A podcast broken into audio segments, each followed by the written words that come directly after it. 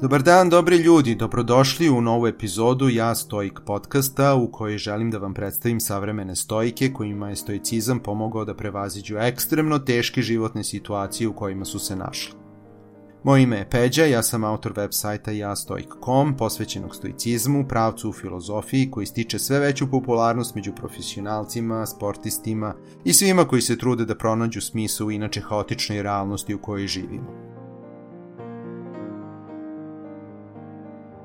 Savremeni stoicizam je intelektualni pravac koji inspiraciju pronalazi u idejama antičkih filozofa.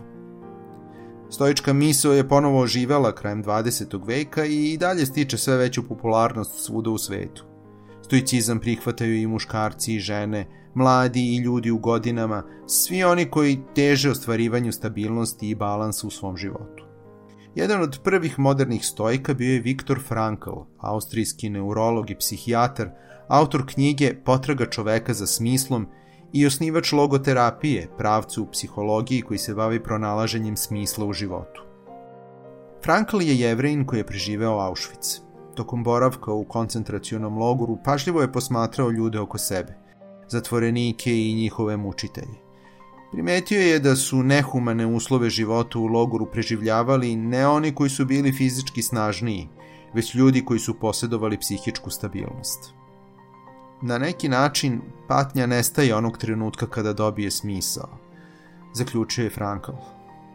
Smisao života prema njemu nalazi se u ljubavi, kreativnom radu ili reakciji na samu patnju. Tokom nepodnošljivih trenutaka u koncentracionom logoru, ono što je Franklu davalo snagu da izdrži bila je ljubav prema njegovoj supruzi i želja da se ponovo sretne sa njom. Sličan motiv za život nalazimo i u italijanskom filmu Život je lep Roberta Beninija, koji je nastao prema motivima iz stvarnog života. Kreativni rad je još jedan od načina da se pronađe smisao u haotičnoj ili surovoj realnosti. Potreba da završe važno delo davala je snagu brojnim inženjerima, naučnicima i umetnicima da istraju u svom radu uprkos neverovatno teškim uslovima života. Nepristajanje na patnju je jedan od načina da se ona pobedi.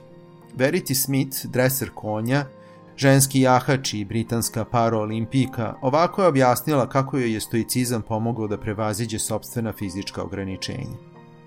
Sjajno je ispalo to što sam oslepila sa osam godina, pre nego što je nered života zatrpao moj um. Epiktet je bio u pravu kada je rekao da je hromost prepreka nozi, a ne volji. Čini mi se da su ljudi više onesposobljeni svojim mislima, stanjem uma, percepcijom, nego bilo čime fizičkim.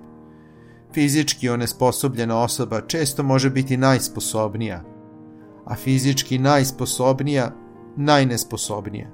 Sve se svodi na snagu volje.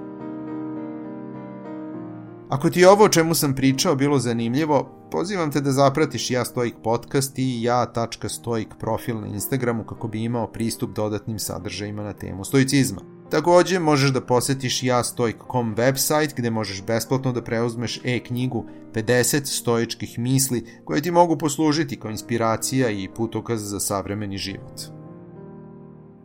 Hvala ti što si ostao uz mene do kraja. Želim ti da mudro iskoristiš današnji dan. Carpe diem.